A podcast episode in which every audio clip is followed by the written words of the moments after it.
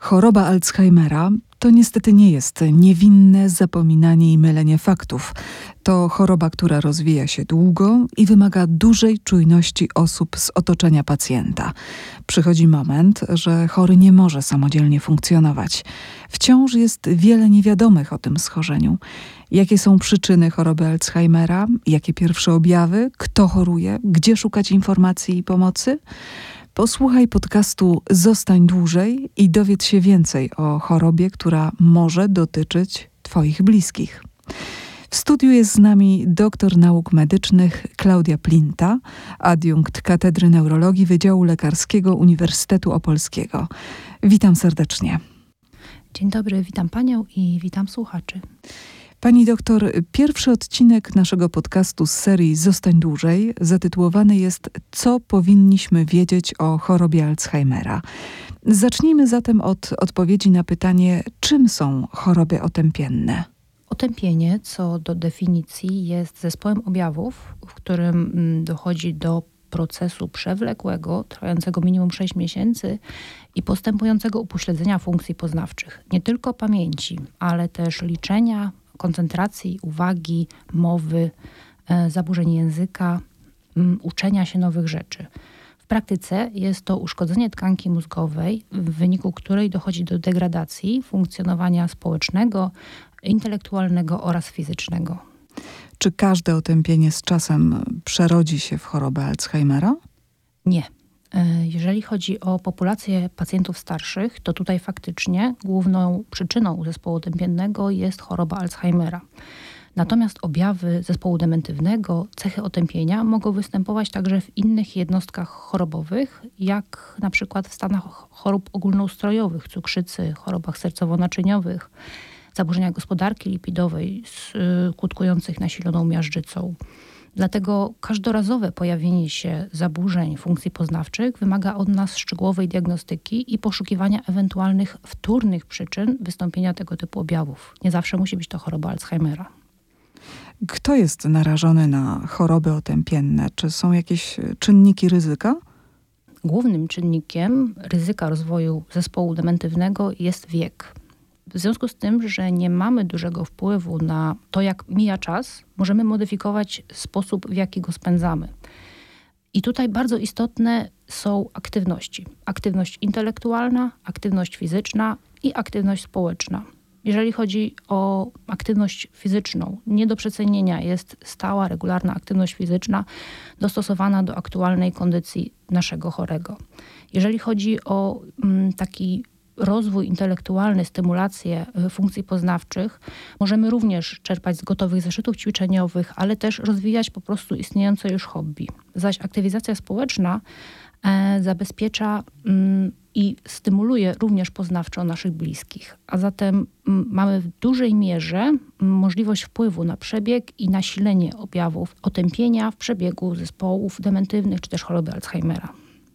Jakie są przyczyny chorób otępiennych? Jeżeli chodzi o patomechanizm ich powstania choroby Alzheimera, jest to odkładanie beta-amyloidu w przestrzeni zewnątrzkomórkowej oraz nadmierna fosforylacja białka tau i odkładanie konglomeratów białka fosfotau.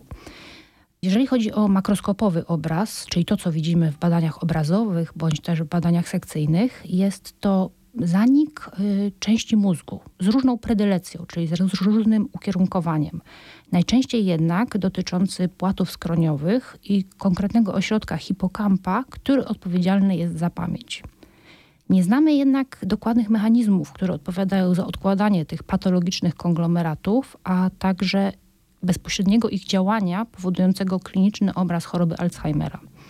Z tego względu, że y, u pacjentów w badaniach sekcyjnych, również w podeszłym wieku, ale bez klinicznych cech choroby Alzheimera, znajdowano depozyty beta-amyloidu. Co w wolnym tłumaczeniu znaczy, że dochodzi do procesów y, niszczenia tkanki mózgowej i następnie jej zaników. Zaników w rejonach odpowiedzialnych za objawy kliniczne, czyli właśnie pamięć, zachowanie. Dlatego E, szczególnie interesujące dla naukowców są przyczyny, które powodują nieprawidłowe odkładanie tych białek, jak też możliwość wczesnego reagowania, kiedy na etapie jeszcze ich powstawania, co powinno być faktycznym leczeniem e, choroby Alzheimera. Jakie są pierwsze objawy występowania chorób otępiennych? Co powinno zaniepokoić w zachowaniu bliskiej osoby? To, na co na pewno należy zwrócić uwagę, to zaburzenia pamięci świeżej, czyli kiedy pacjent na przykład nieustannie dopytuje nas o te same rzeczy, kiedy ciągle czegoś szuka lub znajduje przedmioty w nietypowych miejscach. Również zaburzenia nastroju paradoksalnie mogą wskazywać na rozwój zespołów dementywnych, takie jak zwiększony lęk, niepokój, drażliwość. Warto również zwrócić uwagę na zubożenie mowy, gorszą komunikację, takie mm, wycofywanie się z rozmów, a także uboższe używanie słów, brak aktualizacji słów. Mm, wreszcie na pewno naszą uwagę powinny zwrócić trudności finansowe, zaleganie z opłatami za rachunki nieuwarunkowane wcześniejszymi trudnościami ekonomicznymi, czy też niewłaściwe postępowanie w ramach budżetu domowego, nieodpowiedzialne zakupy. To na pewno rzeczy, które powinny zwrócić naszą uwagę i wymagają głębszego przebadania chorego. Jak diagnozuje się chorobę Alzheimera? Jeżeli chodzi o diagnostykę choroby Alzheimera, zawsze musi być prowadzona pod kierunkiem doświadczonego lekarza. Znaczy to mm, nie więcej i nie mniej niż to, że w przypadku chorób z kręgu zaburzeń dementywnych objawy otępienia mogą występować także w przebiegu innych chorób. Dlatego początkowo lekarz y, zbierze wywiad. Najczęściej zapraszamy na te wizyty zarówno pacjentów, jak i ich najbliższych opiekunów, towarzyszy i postara się usystematyzować w tym wywiadzie, jaki był początek objawów, od kiedy one mniej więcej trwają, jak objawy te rzutują na codzienne funkcjonowanie oraz czy są widoczne dla osób postronnych, najbliższych, czy też może już dalszych, na przykład dla sąsiadów. Kolejno w ramach diagnostyki wykonane zostaną badania obrazowe głowy oraz badania laboratoryjne, podstawowe takie jak ocena glikemii, hormonów tarczycy, morfologii, żeby właśnie wyeliminować te wtórne przyczyny zespołów dementywnych. Kolejno pacjent powinien zostać skierowany na badanie neuropsychologiczne, w trakcie którego wykonane zostanie odpowiednio dobrana bateria testów oceniających domeny funkcji poznawczych, które uległy uszkodzeniu, co również może nam pomóc w różnicowaniu chorób. Kto choruje? W jakim wieku? Właściwie każdy może zachorować na chorobę Alzheimera. Taką książkową granicą, cezurą jest 40-95 lat. Mm, naturalnie, jeżeli chodzi o populację osób starszych, dominuje e, w przypadku e, zespołu dementywnego, dominuje choroba Alzheimera. Natomiast u pacjentów młodszych każdorazowo zastanawiamy się nad możliwym różnicowaniem. To, o co często pytają pacjenci, jak ich bliscy, to czy choroba Alzheimera jest uwarunkowana genetycznie. I odpowiedź brzmi tak, ale w niewielkim procencie. W zależności od źródła, na które się powołujemy, procent ten wynosi od 3 do 15, czyli 3 do 15% pacjentów y, z ogółu y, chorych z chorobą Alzheimera, ich choroba jest uwarunkowana genetycznie. Czy osoby z chorobą Alzheimera mogą żyć i funkcjonować samodzielnie? Jak długo? Jeżeli chodzi o y, tą niezależność i funkcjonowanie samodzielne, jest to temat, który jest szczególnie bliskim zarówno chorym, jak i ich opiekunom, z tego względu, że pacjenci bardzo często nie chcą współpracować w zakresie odciążania ich z jakichś zadań.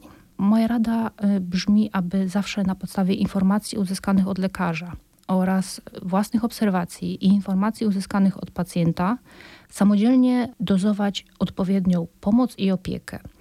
Jeżeli mamy pacjenta w y, łagodnym stopniu mm, zaawansowania choroby, czyli w łagodnym otępieniu, wówczas dominują zaburzenia funkcji złożonych, to znaczy trudności przykład z opłatami, z y, zarządzaniem nowym budżetem, organizacją wycieczek, wyjść, spotkań. I tutaj nasz chory faktycznie będzie wymagał pomocy. Natomiast w przypadku otępienia umiarkowanego bądź też ciężkiego, tutaj zaburzenie funkcji poznawczych i zaburzenia zachowania są już tak nasilone, że właściwie pacjent wymaga pomocy i mieszkania z opiekunem. Ciężko jest powiedzieć, kiedy następuje przejście, jak długo pacjent może być samodzielny. Jest to zależne zarówno od czynników endogennych, czyli takich wewnętrznych pacjenta, które w jakiś sposób modulują ten proces uszkodzenia mózgu, jak i od naszych działań, to znaczy właściwej farmakoterapii i właściwej stymulacji intelektualnej, ruchowej i społecznej chorego. Gdzie szukać e, informacji o chorobie? U lekarzy specjalistów mm, neurologii, psychiatrii, medycyny rodzinnej W gabinetach dostępne są specjalne broszury adresowane zarówno do opiekunów pacjentów, zawierające takie esencjonalne treści o samej chorobie, jak i praktyczne wskazówki, jak radzić sobie w konkretnych sytuacjach. Są dostępne zeszyty ćwiczeniowe dla pacjentów, y, więc tutaj to bogactwo wiedzy jest dość, dość duże. Drugie dobre źródło to internet, ale sprawdzone strony.